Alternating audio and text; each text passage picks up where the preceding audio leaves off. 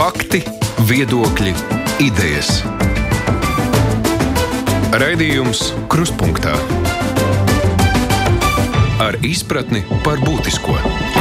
Studijā Mārija Ansone. Latvijas Banka ir samazinājusi iekšzemes koproduktu pieaugumu šim gadam, vienlaikus prognozētā inflācija būs lielāka nekā paredzēts iepriekš. Lai kompensētu izdevumus par gāzes un elektrības rēķinu pieaugumu, šodien šo ziemu jau tika iedarbināti dažādi pasākumi, bet šobrīd liels galvas sāpes gan iedzīvotājiem, gan uzņēmumiem sagādā degvielas cenu milzīgais pieaugums. Vai valsts var atļauties vēl papildus atbalsta pasākums un kādas vispār ir prognozes tēriņiem tuvāko gadu gadu laikā. Par to un citiem jautājumiem šodien mums ir iespēja iztaujāt finanšu ministru Jāni Reiru, kurš ir mūsu studijā. Labdien! Labdien! Kopā ar mums attālināti ir žurnāliste no TVNet Laura Ozoliņa. Labdien! Labdien. Un Inga Šņore no Latvijas televīzijas raidījuma de facto sveikingam! Labdien! Jā, es jau pieminēju šo te inflācijas prognozi, kas ir eh, paredzēta nu, liela līdz 9,5%, un iedzīvotāji jau tagad nu, spēcīgi izjūta degvielas cenu kāpumu. Eh, premjers ir iepriekš minējis, ka nu, ka vajadzētu domāt eh, par mērķētiem atbalstiem iedzīvotājiem, kuriem ir nu, sagādās patiešām problēmas šis degvielas cenu kāpums. Vai ir domāts par to, kas, kā tas varētu izpausties. Jo toreiz tika apspriests. Eh, saimā jau ir apspriesti šie varianti, ka varētu nodokli samazināt, lai cilvēkiem būtu vieglāk tikt galā ar pieaugušo eh, degvielas eh, cenu rēķiniem. Tad kādi varētu būt tie mērķēti atbalsta pasākumi, vai vispār tādi varētu būt, lai kaut kā kompensētu degvielas cenu kāpumu? Jā, nu, jautājums ir sarežģīts un vispārējais atbalsts praktiski patreiz nav paredzēts. Mēs ehm, nav iespēja dot atbalstu kādām konkrētām preču grupām. Viennozīmīgi ir un notiek darbs gan Labklājības ministrijā, gan ekonomikas ministrijā pie mērķēta atbalsta veidošanas. Un viennozīmīgi šoreiz arī tiks pielietoti, piemēram, ekonomisko seku risināšanai tiem uzņēmumiem, kuriem darbība, preču piegāde vai, vai eksports bija Krievijā, tātad finanšu instrumenti. Ja nevis dāvināta nauda, kā bija Covid laikā daudziem uzņēmumiem, bet finanšu instrumenti. Tās ir garantijas kredīt garantijas, eksporta garantijas un nodokļu atlikšana, nodokļu maksājuma atlikšana. Tie ir tie pamat, pamat instrumenti. Eh, bet eh, sabiedrībā eh, tiešām tiek gatavota mērķēta atbalsta programma tiem sabiedrības pārstāvjiem, kuri, kuri kur cieš visvairāk. Un šeit jau jautājums nav tikai par degvielu. Inflācija jau ir kopējā augsta arī citās preču grupās un masturīgie, piemēram, Eh, viņš nebrauc ar, eh, viņam nav 5 litrīgs eh, BMW, kurš patērē 17 litrus uz 100, un, un viņš nebrauc vispār ar, ar, ar transportu, bet viņam pārtika sagādā lielas problēmas. Līdz ar to ir jāveido atbalsts, bet mērķēts atbalsts, kas praktiski ir visās Eiropas Savienības valstīs. Jo, Eh, nu, nu, tā sistēma uh, ir tāda, ka uh, sabiedrība maksā nodokļus, un tad no tiem nodokļiem uztur valsti. Fin, tātad aizsardzība, drošība, veselība, izglītība un citas jomas, un daļu novirza tiem, kas nevar. Bet mūsu atbalsta sistēma ir tāda, ka palīdz visiem. Nu, tad praktiski sanāk, ka naudas nav. Jo daudzās intervijās tad, nu, tiek jautāts, kā jūs atbalstīsiet. Visus. Arī tos, kas, piemēram, agresīvi brauc ar mašīnu vai, vai kuriem ir liela tilpuma motori. Un nākamais jautājums, vai nesamazināsies algas pedagogiem, mediķiem? Nu, tās ir saistītas lietas. Protams, tās ir saistītas lietas, un, un, un mēs patreizējā situācijā gribam, lai būtu stabilitāte. Un šī stabilitāte e, tieši nu, e, es, no šodienas raugoties, es redzu, ka šī gada budžets būs stabils, e, ka mēs spēsim finansēt visu, gan mediķu algu pieaugumu, kurš bija pagājušā gadā iestrādāts šī gada budžetā, gan pedagoģu pieaugumu, gan arī mūsu drošībai iekšlietu sistēmā. Es, es mazliet precizēšu, bet, nu, tā, norobežojoties no tādām galīb, galējībām, kas ir pieclitrīgie BMW dzinēji, bet, nu, teiksim, kaut kādas vidusmēra ģimene ar, nu, ienākumiem, kas varbūt ir zem vidējā, tad tās ir tās uh, iedzīvotāju grupas, kas var uh, cerēt uz kaut kādu atbalstu. Uh, ir ir maznodrošināto definīcija, un uh, nu, šīs definīcijas ietvaros, uh, nu, piemēram, patreiz, kas notiek ar energoresursu atbalstu, tur ir grupa mazdro, maznodrošinātie, bet nu, neviena valsts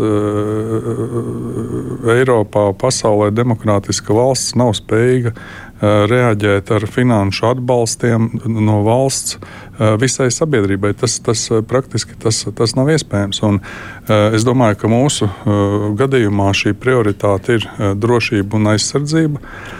Un, un mēs jau arī redzam, ka šīs benzīna, benzīna dīzeļa degvielas cenas bija maksimums sasniegušas trīs nedēļas atpakaļ. Tagad cena kāpjas atpakaļ, tad atkal fluktēs. Ja līdz ar to nu, šo atbalstu nu, tādā veidā nav iespējams noteikt. Nu, nav.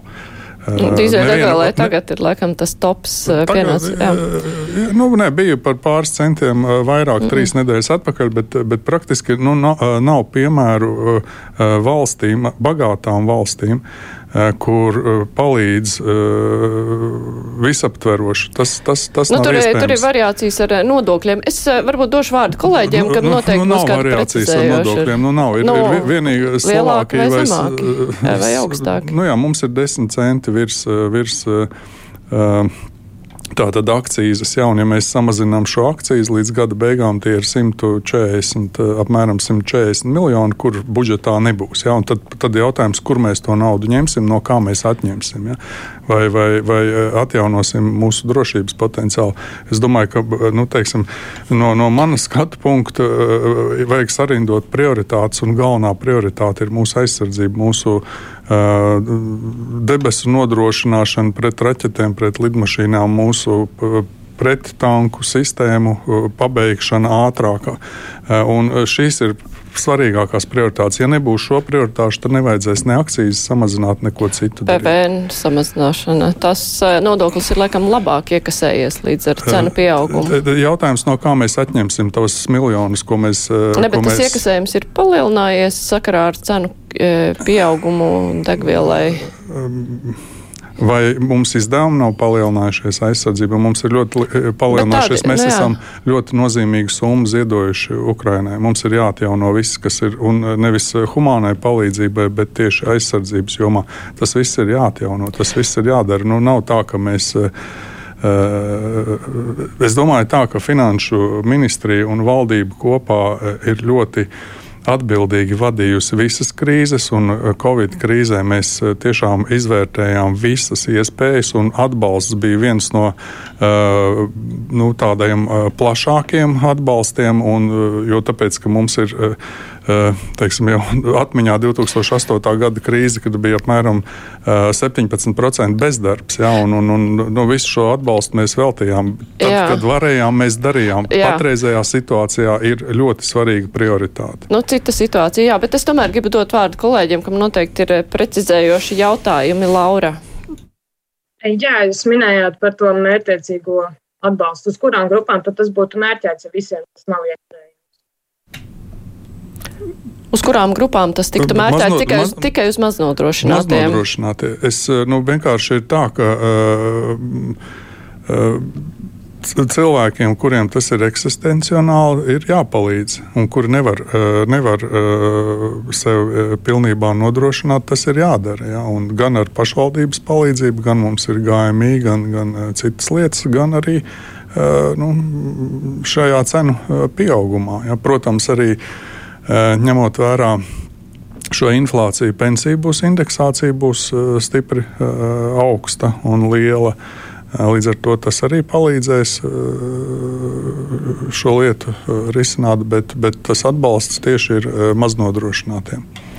Inga. Bet, bet, ja mēs skatāmies uz šo situāciju mazliet plašāk, pensionāriem pacelsies, tur noindeksēs, tad būs trūcīgie, kur ir noteikta robeža, maznodrošinātie, kur ir noteikti tā ieņēmuma robeža, no kuras skaitās. Un tad ir, tad ir visi pārējie. Un, ja, piemēram, ģimene ar diviem bērniem, kur 50% aiziet pārtikai, jo šeit jau nav stāsts par to, ka kaut kur ieliet degvielu. Tas ir stāsts par to, ka tas atsaucas uz visu.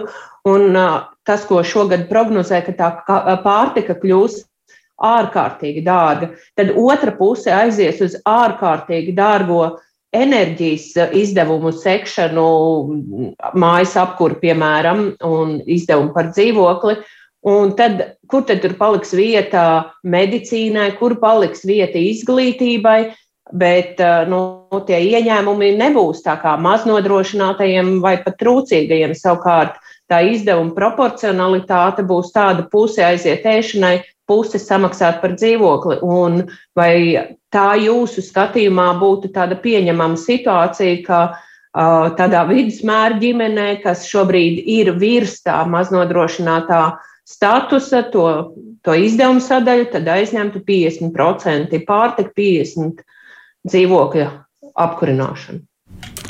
Praktiski šajās darba grupās par atbalstu tiek modelētas situācijas, bet viennozīmīgi nu, ir skaidrs, ka situācija, nu, mēs ka, dzīvojam kara apstākļos un praktiski nodrošināt uh, to pašu uh, līmeni uh, nebūs spējīga neviena valsts. Neviena valsts nebūs spējīga nodrošināt to pašu uh, dzīves līmeni kaut vai caur inflāciju. Ja, praktiski, ja uh, pirms kara laikā inflācija tika prognozēta 4-5 uh, Eiropā kaut kur 2-3-4% apmērā.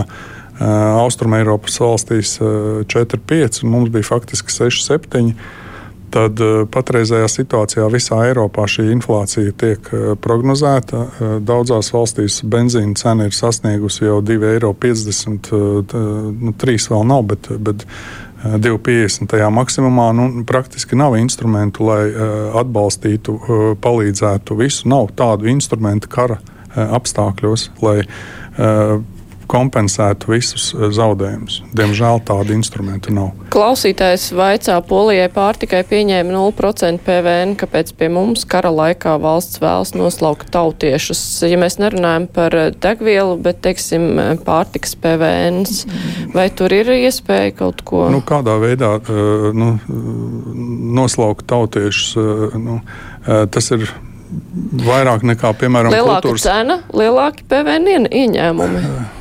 Tātad eh, mēs eh, esam pieņēmuši lēmumu valdībā solidāri, ka mums jāvirzās uz 2,5% aizsardzībai trijos gados. Nevis vienā gadā, lai, lai Eh, vienkārši to budžets nevar pavilkt. Mums vajadzētu uzreiz varbūt iet uz diviem, bet mēs rēķinam, lai mums nebūtu eh, jāveic konsolidācija, lai nebūtu jāsamazina šie izdevumi. Eh, citās jomās tad trīs gadu periodā. Līdz ar to šeit jebkuri līdzekļi, kas ienāk, viņi ir novirzāmi drošībai gan iekšlietu sistēmā, gan, gan aizsardzības sistēmā. Nu, Tāpat tie līdzekļi eh, arī tiek nodro, ar šiem līdzekļiem tiek nodrošināta arī pedagoģu atalgojums, eh, policistu atalgojums, armijā dienējošo eh, skolotāju, mediķu vispār. Tā nav nauda, kuru saliek kaut kur seifā vai, vai tur pagrabā. Tā nauda, kas tiek momentā novirzīta tautsēmniecībai, lai pildītu šos, eh, šos eh, pieņemtos eh, budžeta lēmumus. Līdz ar to nav tā, ka viņa paliek pāri šī naudai. Praktiski nauda vēl tagad, pie, mums ir robeža jābūvē, mums ir nu, ir situācija tiešām, eh, tiešām eh, mainījusies. Vēl viens klausītāja jautājums, vai šis nav brīdis, kad iesaldēt kādus projektus, kam nav tieši saistības ar valsts drošību, bet kas ir vienkārši lieli projekti, kurus varbūt var atlikt un ietaupīt naudu? Tā tad. Jā, mums apmēram viens miljards šogad plānojās Eiropas fondos. Jebkurš atlikts projekts, nu, tāpēc ir nepieciešams sabalansēti gan ieņēmumi, gan izdevumi. Jebkurš atlikts projekts, tās ir zaudētas darba vietas. Tie ir zaudēti nodokļu budžetā. Līdz ar to mēs arī to izvērtējam, mēs piebremzējam fondu apgūvi un investīciju fondu apgūvi. Bet tā, ka būtu jāpārtrauc, es domāju, tas nebūtu pareizi. To arī pierādīja Covid laiks, kad mēs investējām tieši infrastruktūrā, un tas nodrošināja papildus daudzus tūkstošus darba vietas. Patreiz arī mēs nevaram tādā veidā šos projektus pārtraukt. Un, nu, mēs arī tādus lielus projektus, tā man nenāk prātā, tādi lieli projekti kolēģi. Ja es drīkstētu, jā, viena replika, droši vien, ka neviens tomēr nerunā par esošā dzīves līmeņa saglabāšanu, bet vairāk par iztikšanu, tādu kopumā iztikšanu. Un tagad jautājums. Finanšu instrumentu palīdzību uzņēmējiem, ko jūs minējāt. Vakar bija ļoti interesants raidījums, kas notiek Latvijā, kur bija sapulcināti dažādu nozaru pārstāvji un to, ko varēja dzirdēt ka jā, varbūt viņi arī negaida tādu tiešu finanšu palīdzību, bet tieši uh, atbalstu caur dažādiem instrumentiem. Un tas, kas bija noprotams, ka tas atbalsts kavējās, ka viņiem viņu vajag tagad tūlīt, bet visi iet cauri darba grupām kaut kā lēnām. Vai jūs uzskatāt, ka tā, tas, ko jūs šobrīd darat, ir pietiekami ātri, pietiekami atbilstoši kara apstākļiem, kur burtiski pāris nedēļu laikā ir jāpar, jāpārorientējās uz kaut ko pilnīgi citu, citām piegādes ķēdēm, citu tirgu? Par uh, finanšu ministriju es varu teikt, jā, pilnībā. Un, uh, mums šī pieredze jau ir uh, saistībā ar uh, atbalstu Covid. Un vakardienas raidījumā izskanēja informācija, ka Finanšu ministrija kavē saskaņojums, valsts atbalsta saskaņojums. Uh, ir jāprecizē, Finanšu ministrija nenodarbojās ar uh, lauksaimniecības uh, pro, uh, nozares uh, programmu saskaņošanu Eiropā. Uh, mūsu saskaņošana uh, visa ir vienas, divas dienas uh, ātrumā. Uh, bet tāda ir kārtība Eiropā, ka viss atbalsts, kas ir no valsts, ir jāsaskaņo ar eh, valsts atbalsta eh, sekretariātu vai nu, precīzi nosaukumu nepateikšu, bet to dara visas valstis.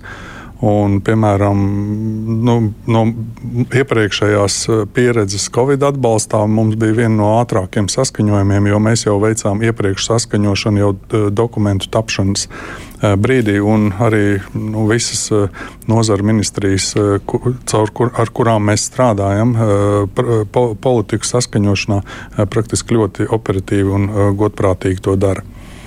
Kolēģi, Laura? Jā, par to atbalstu uzņēmumiem arī uzņēmumi nereti norāda, ka nav tā godīga sadalījuma starp mazajiem vidējiem uzņēmumiem un lielo uzņēmumu atbalstu. Vai to ir kaut kā plānots pārskatīt, vai tomēr visiem ir kaut kādas cerības uz atbalstu?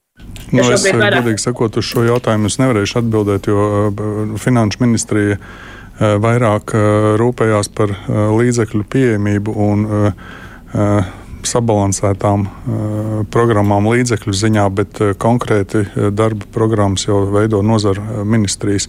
Bet es domāju, ka nu, Covid laikā bija varbūt tieši Eh, lielāks atbalsts bija maziem uzņēmumiem un vidējiem, nevis lieliem. Lielo uzņēmumu programmas eh, bija varbūt sarežģītāk saskaņot, bet es nezinu, eh, es domāju, ka tagad ir tieši tāda pati situācija. Nu, ka ir tomēr mēģina veikt vispusēji. Vienīgā nu, problēma, kas bija Covid laikā, ka šis atbalsta griestu apjoms ir un daudz uzņēmumu, nu ne daudz, bet daži uzņēmumi iztērēja nu, šo apjomu pusgada laikā, un tad tālāk vairs nevarēja viņiem sniegt atbalstu. Tie laikam sākotnēji bija 1,2 miljoni, un pēc tam mm, ap, ap 2 miljoniem. Tā bija uh, problēma, bet tā ir nu, visā Eiropā kopēji. Iedomājieties, kas ir Eiropas lielos uzņēmumos, kur vienādi limiti visiem, ja tā tad gan mūsu valstī, gan nu, Francijā vai Vācijā lieliem uzņēmumiem šis 1,2 miljonus. Tad, bet bet nu, mums arī bija tādi uzņēmumi, kuri šo apjomu sasniedza. Kolēģi Inga, tu gribēji papildināt? Jā, es vēl paturpinot par šiem uzņēmumiem. Metāla apstrādes nozare, kas ir Latvijā viena no lielākajām un dod būtisku devumu arī valsts budžetā caur nodokļiem un, un citādi. Viņi vakar arī sūdzējās par to, ka šīs sankcionētās personas konkrēti viņiem ir iesākti darījumi ar severstaļu un uh, ka likums ļauj viņiem pabeigt šos darījumus, un tad viņi aprakstīja tādu procesu, kurā viņi ir sūtīti no viena pie otra, no viena pie otra. Es saprotu, finanšu kapitāla tirgu, ar, e, tirgus komisijā viņi ir vērsušies, bet tas, tas, kas bija redzams, bija saprotams, ka no valsts puses neviens īsti nevēlās, negrib vai nespēja palīdzēt viņiem ar padomu, kā tad rīkoties, lai tos iesāktos darījumus, lai tā metāla, kas jau ir nonācis šeit, lai viņi tiktu pie šīs izēvielas? Man ir uh, grūti atbildēt uz šo jautājumu. Man ir uh, vakar tieši saruna bija ar uh, uzņēmējiem, kuri izteica izbrīnu par to, kādā veidā valsts pārvalde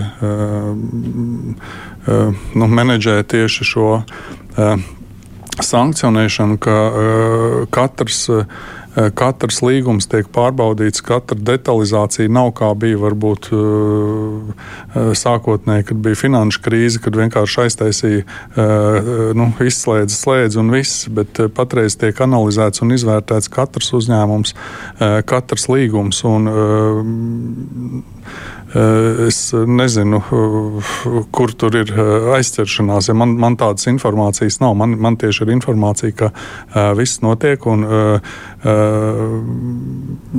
tiek piesaistīti papildus spēki cilvēki, lai šo visu varētu izanalizēt un izvērtēt. Bet tas jautājums ir ļoti nopietns, jo gadījumā, ja būs kļūda, cietīs visa ekonomika. Cietīs visa ekonomika no atkārtotām sankcijām. Tā ir lielākā problēma. Līdz ar to mums šis ir jādara gan ātri, gan rūpīgi. Un tie spēki, kas ir iesaistīti gan no finanšu kapitāla tirgus uzraudzības, kur ir neatkarīga institūcija, gribu atgādināt, eh, arī eh, no ārlietu ministrijas sankcionēšanas eh, departaments ļoti godprātīgi veic savu darbu un neskaita darba stundas. Kolēģi, Laura? Ah, Inga gribēja paturpināt laikam Jā. par šo pašu un pēc tam Laurajā. Jā, neskaitot darba stundas, bet tas, ko es dzirdu no jums, ka ir bailes, nu, kas izskanēja arī vakar, ka vai nav tā, ka ir bailes sniegt konkrētu padomu, kas vēlāk nu, kaut kā var atspēlēties vai nu uz uzņēmumu vai uz pašiem ierēģiem, un līdz ar to notiek tā futbolēšana. Šī gadījumā šis ir abstrakti, un es nevaru atbildēt uz šo jautājumu, jo uh,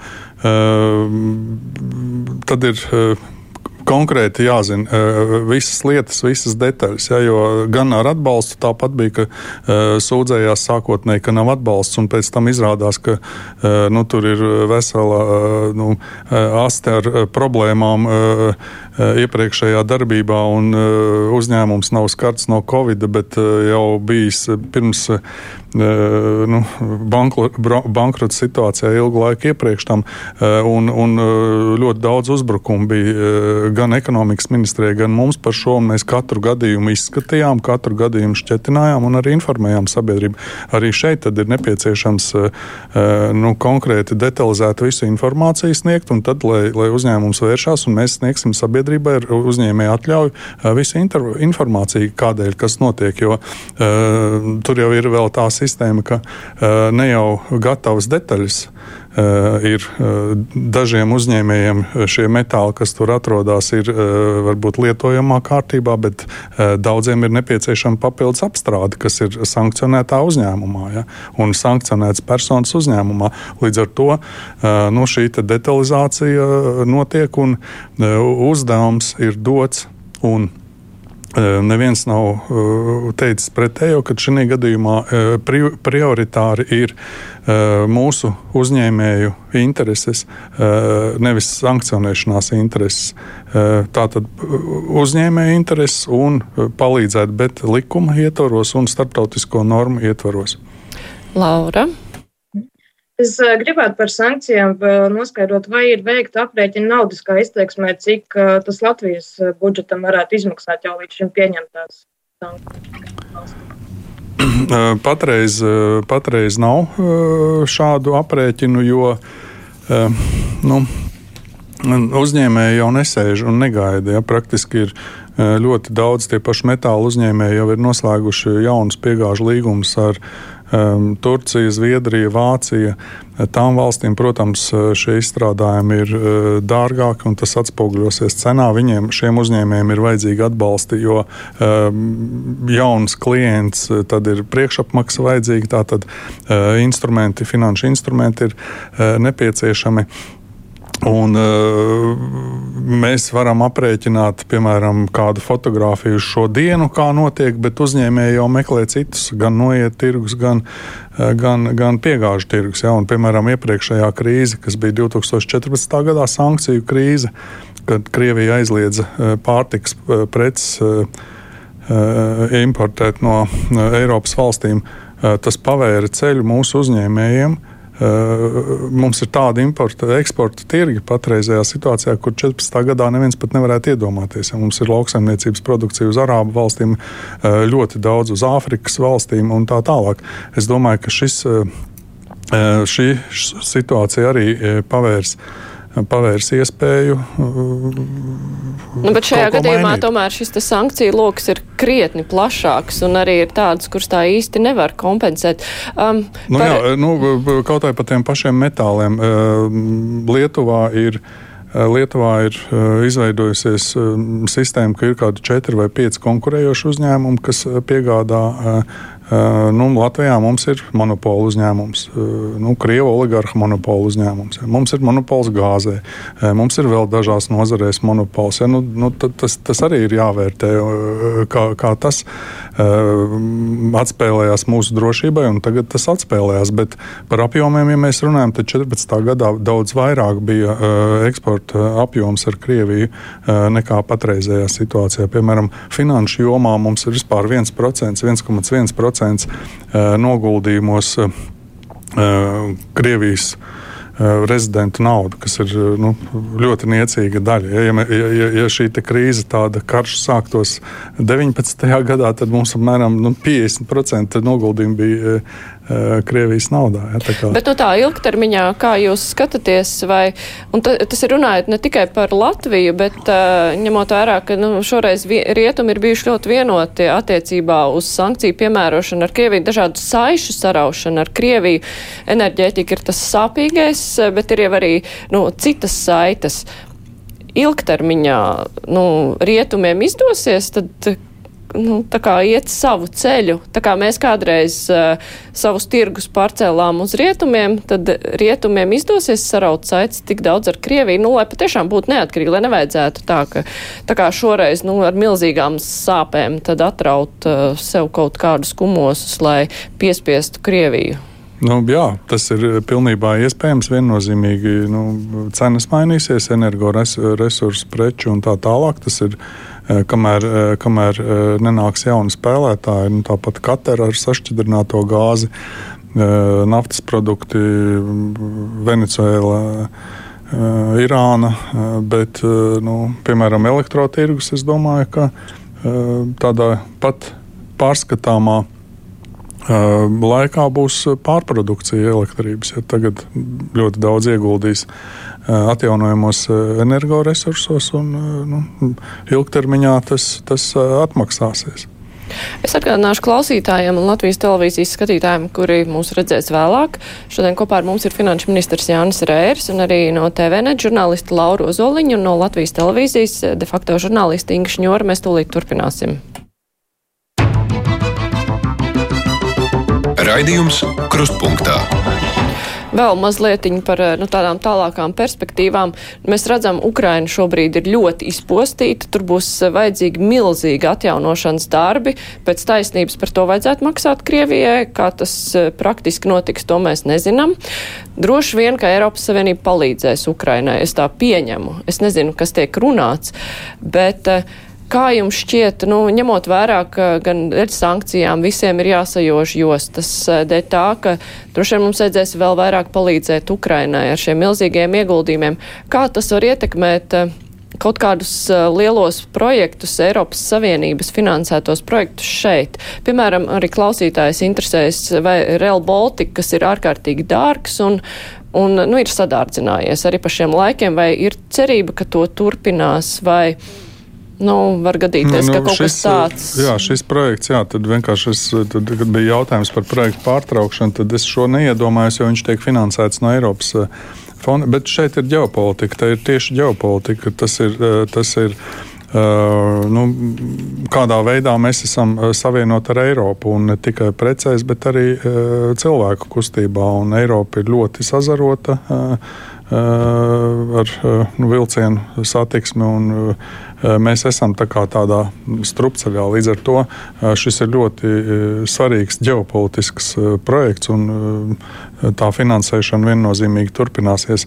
Bet, nu, tāpat kā Covid krīzes laikā Eiropa veidoja jaunu fondu atbalstam, kas ir RRF, nevis pārņēma kādus citus projektus, bet, bet, bet veidoja jaunu fondu. Tāpat arī šeit. Nu, protams, ka daudzas valstis jau Eh, atgādina par tiem iesaldētiem 400 miljardiem eh, Krievijas naudas, ka eh, tas varētu arī būt atbalsts Ukrainai, bet, protams, ar to ar tiem līdzekļiem nepietiks un viennozīmīgi būs fondi, kas balstīs gan instrumentu ziņā, gan arī grantu ziņā, dāvinājumu ziņā.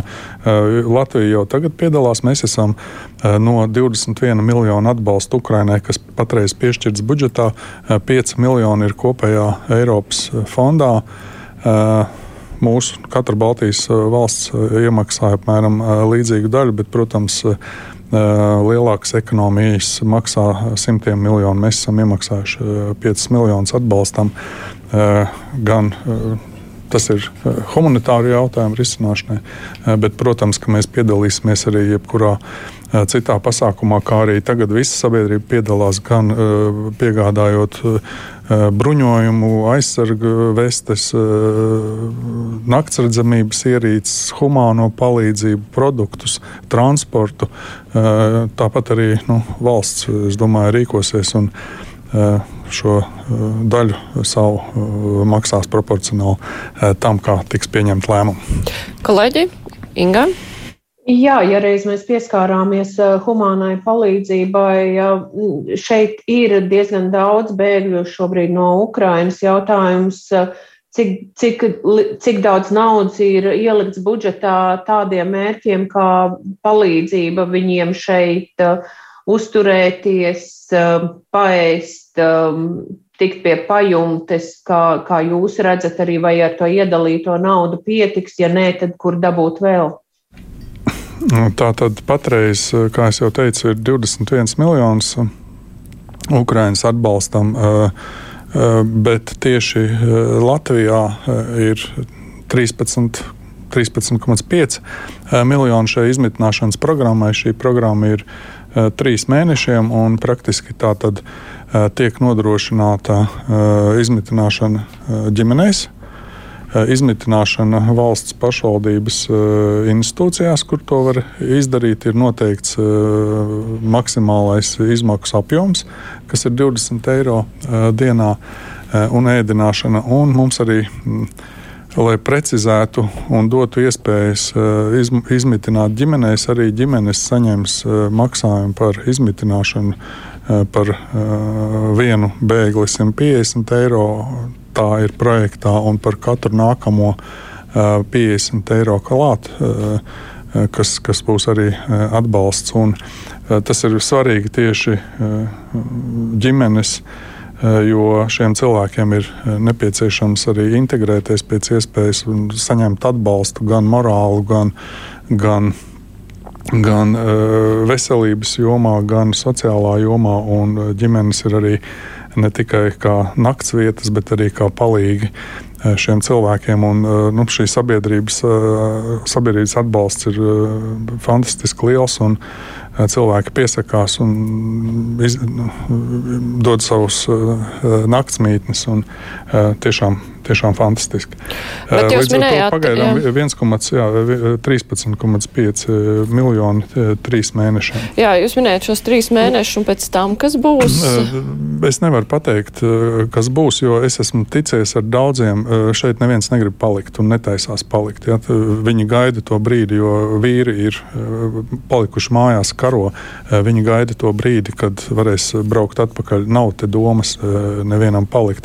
Un tas ir jautājums, cik ilgi ilgi ies karš un kādās teritorijās, to neviens nevar pateikt un, un noprognozēt. Protams, ja šī programma, ja šī programma būs jāturpina, mēs turpināsim. Mēs, tātad, mēs jau esam sākuši aplēst Covid atbalsta programmas izpildus un līdzekļus, un tur ir Eh, iespējami pārpalikumi. To mēs redzam pēc mūsu ekonomikas at, attīstības, ka tomēr eh, bija izaugsme. Tātad eh, uzņēmējiem vajadzēja mazāk šo atbalstu nekā mēs bijām plānojuši. Līdz ar to tos līdzekļus varēs arī pārprogrammēt un, ja būs nepieciešams, sniegt papildus atbalstu. Kolēģi, Man vēl viens papildinošs jautājums par šo zem finanšu ministrijas ir arī valsts nekustamie īpašumi, kuriem pieder daudz ēku, to starp Rīgā. Un uz šo brīdi ir redzams, ka šīs problēmas ar dzīvesvietām bēgļiem ir ļoti jau tādas sāpīgas, lielas, sāk pietrūkt to vietu. Vai neredzat iespēju, ka kādā no tukšajām valsts nekustamo īpašumu mājām varētu kaut ko izmitināt?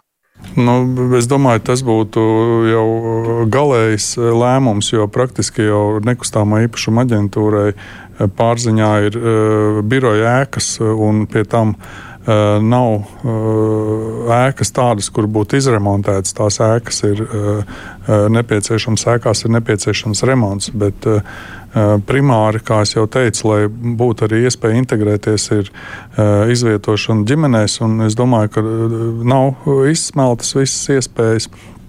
Jo sākotnēji lielais pieplūdums bija Rīgā un, un vēl dažās pašvaldībās, bet šonadēļ mēs pieņēmām lēmumu, kas ļauj pašvaldību klientu apkalpošanas centriem veikt šo reģistrāciju un pakalpojumu sniegšanu. Un es domāju, pakalpojumi būs arī plašāk ne tikai Rīgā un dažās citās vietās. Tā kā vēl neesam visu izsmēluši. Protams, ka mums nav tāda situācija kā Polijā, kur mēs esam redzējuši televīzijas pārraidēs, ka ir sporta zālēs vienkārši gultiņi pie gultas. Un, un, un pie mums nu, tā nav. Jo mums jau nav arī kopējas robežas, bet kas notiek Polijā, Slovākijā, Čehijā, tur tiešām ir ļoti nopietni. Tādēļ arī mūsu finanšu ministru, Eiropas finanšu ministru iniciatīva, ka ir nepieciešams Eiropas līdzekļu atbalstam šeit, jo ir nesamērīgi šie bēgļi. Tas pats, kas bija 14. un 15. gadā, kad Eiropa sniedz atbalstu Itālijai un Grieķijai, kad bija bēgļi no Arābu valstīm. Šeit ir arī jāmeklē risinājumi un veidi. Protams, mūsu ieguldījums šajā jomā ir niecīgs salīdzinājumā ar to, kas notiek Polijā un blakus kaimiņu valstīs. Kolēģi Laura? Es par iesaldētajiem līdzekļiem gan pašas Krievijas, gan oligārhu. Ir ik pa laikam izskan kādi ierosinājumi, ka šos līdzekļus vajadzētu novirzīt Ukrainā. Un skaidrs, ka arī tās sankcijas nav īstermiņa pasākums vai ir skaidrība, ko ar to visu darīt. Nu, jo nestāvēs jau piecus gadus, vienkārši nerūsēs tie kuģi kaut kur ostās. Kāds vispār ir tas tiesiskais rāmis, ko ar to drīkst darīt? Jā, nu, Nu, man grūti atbildēt uz šo jautājumu. Es eh, neesmu jurists, es esmu saimā juridiskā komisijā četrus gadus bijis, bet eh, tieši juridisku, juridisku pamatojumu es eh, jums nevarēšu dot. Bet, um, gribu tikai pateikt to, ka Tieslietu ministrijā ir izveidota grupa, kas meklē un uzskaita visu, kas, kas pieder. Un, Es domāju, nu, varbūt sabiedrībā ir tā, ka nu, šie līdzekļi ir mazi. Un domā, ka kaut kas jābūt ir vairāk, bet atgādināšu, ka 2019. un 2020. gada finanšu sistēmas kapitālais remonts iedragāja, ļoti iedragāja mūsu attiecības, finanšu attiecības ar Krieviju un ļoti daudz naudas aizgāja prom. Līdz ar to arī nu, šie visi īpašumi arī ir prom. Bet sankcionēto personu īpašumi ir atrasti. Kāds ir viņu liktenis? Es nu, esmu tā lasījis presē, tiek diskutēts un arī sniegts šīs atbildes līdz ar to.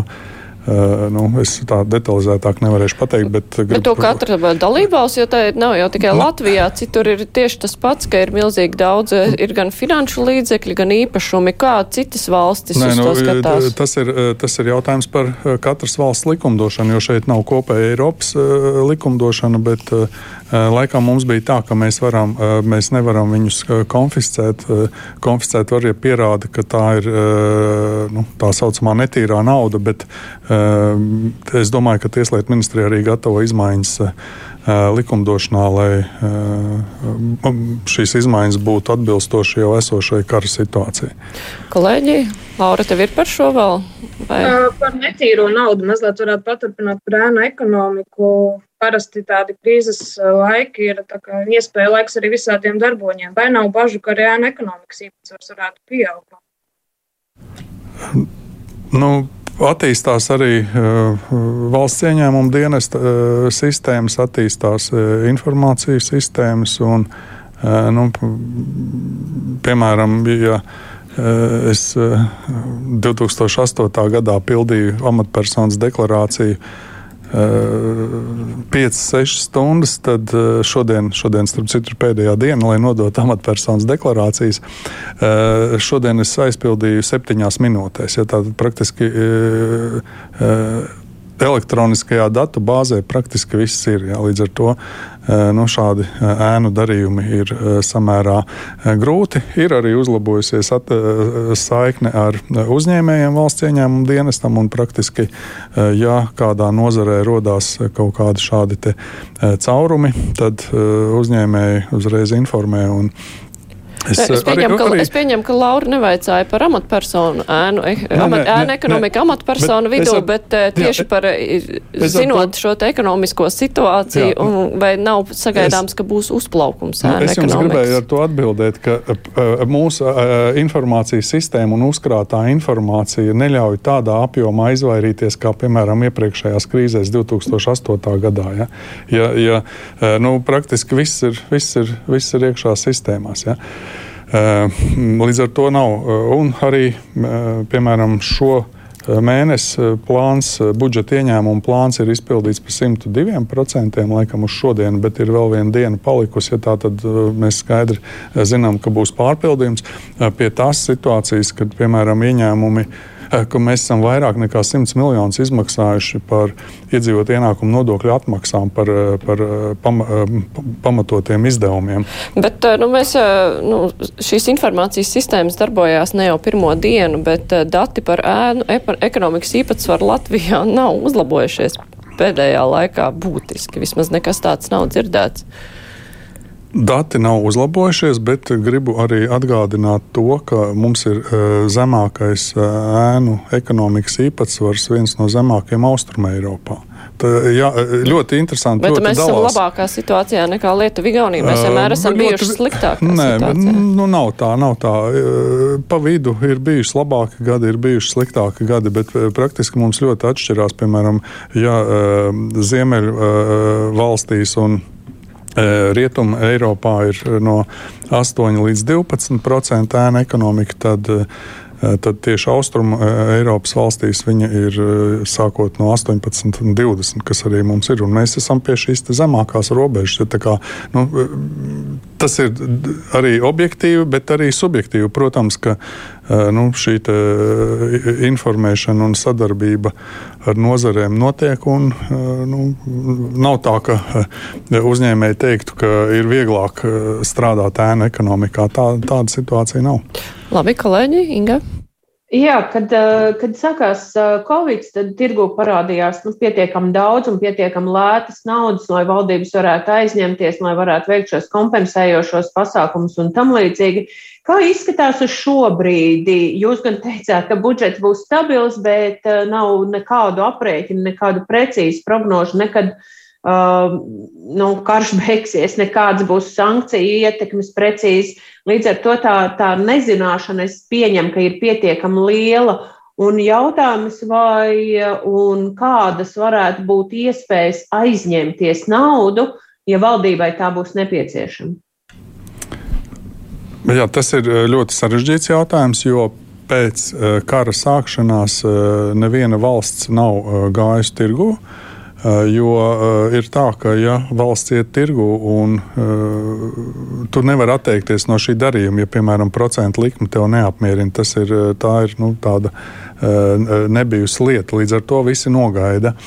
Un, tagad ir informācija par Vācijas dažām zemēm, kuras ir aizņēmušās, un tur pie viņu 3A reitinga tātad šis Eh, procents varētu būt kaut kur eh, virs 1%, 1,1, 1,2.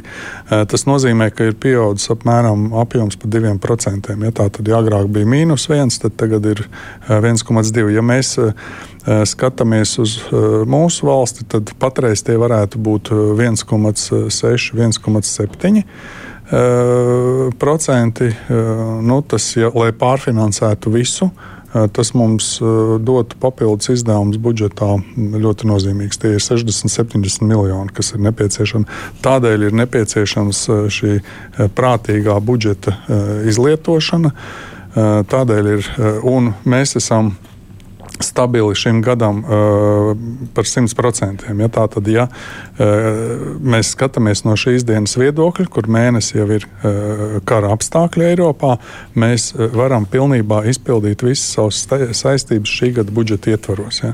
Uh, tas uh, un varbūt pat uh, neiet un uh, aizņemties uh, līdzekļus. Tā, tā ir tā tā situācija, kas mums ir. Līdz ar to es raugos eh, samērā optimistiski.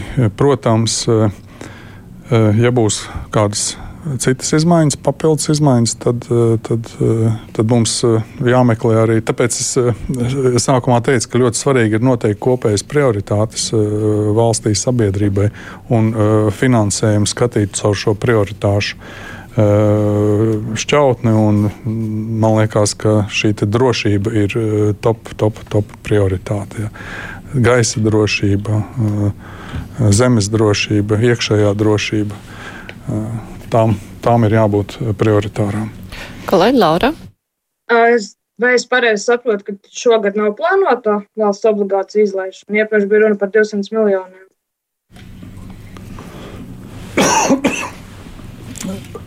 Praktiski es jums šodien nevaru atbildēt uz šo jautājumu.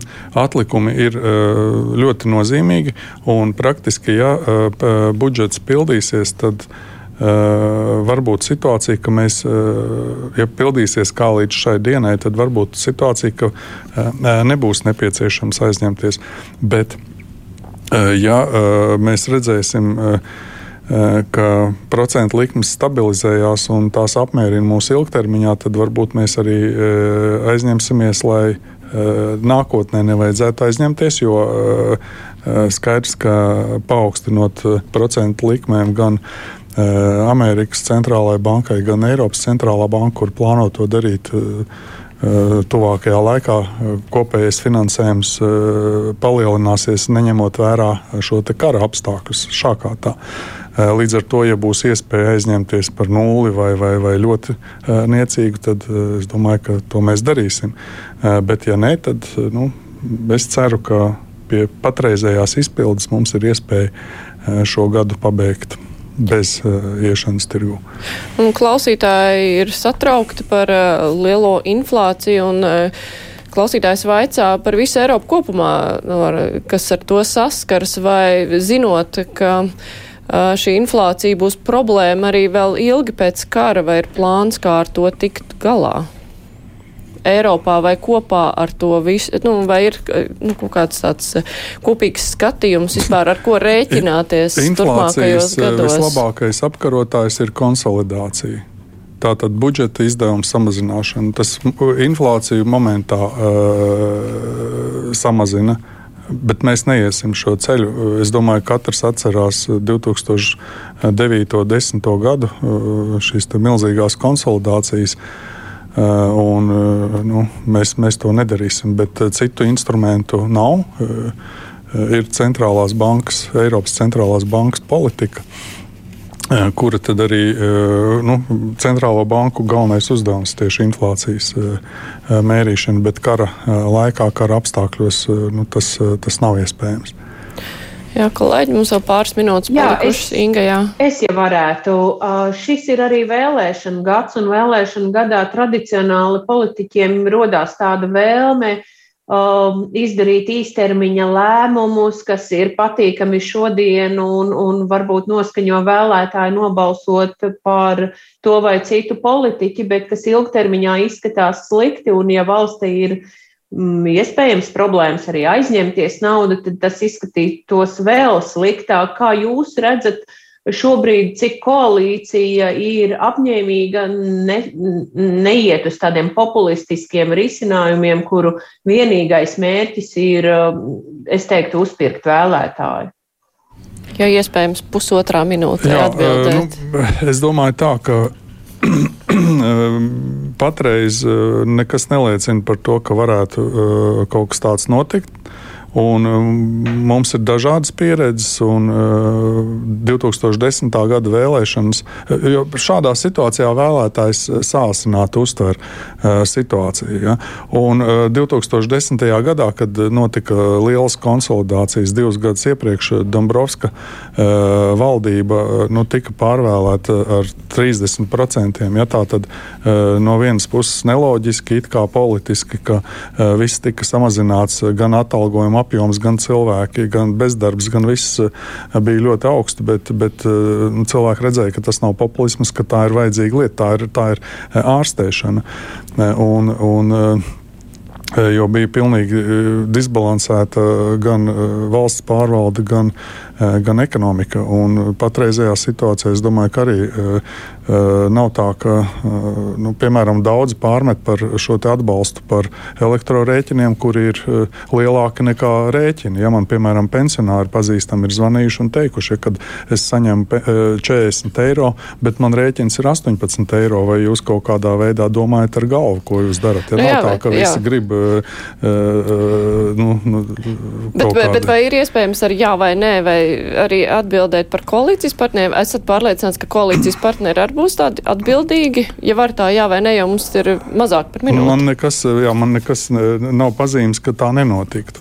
Mm -hmm. Labi, skatīsimies. Vēl, protams, ir daudz laika līdz vēlēšanām. Tur var daudz paspēt. Saku paldies finanšu paldies ministram jums. Jānim Rēram, kurš bija kopā ar mums un kolēģis eh, Laura Ozoliņa no portāla TVNet un Ingš Ņore no Latvijas televīzijas raidījuma de facto bija kopā ar mums. Bet raidījumu šodien izskan. Producenti ir Evija Unāma un studijā bija Mārija Ansona. Vislabāk, mēs tiekamies arī rīt.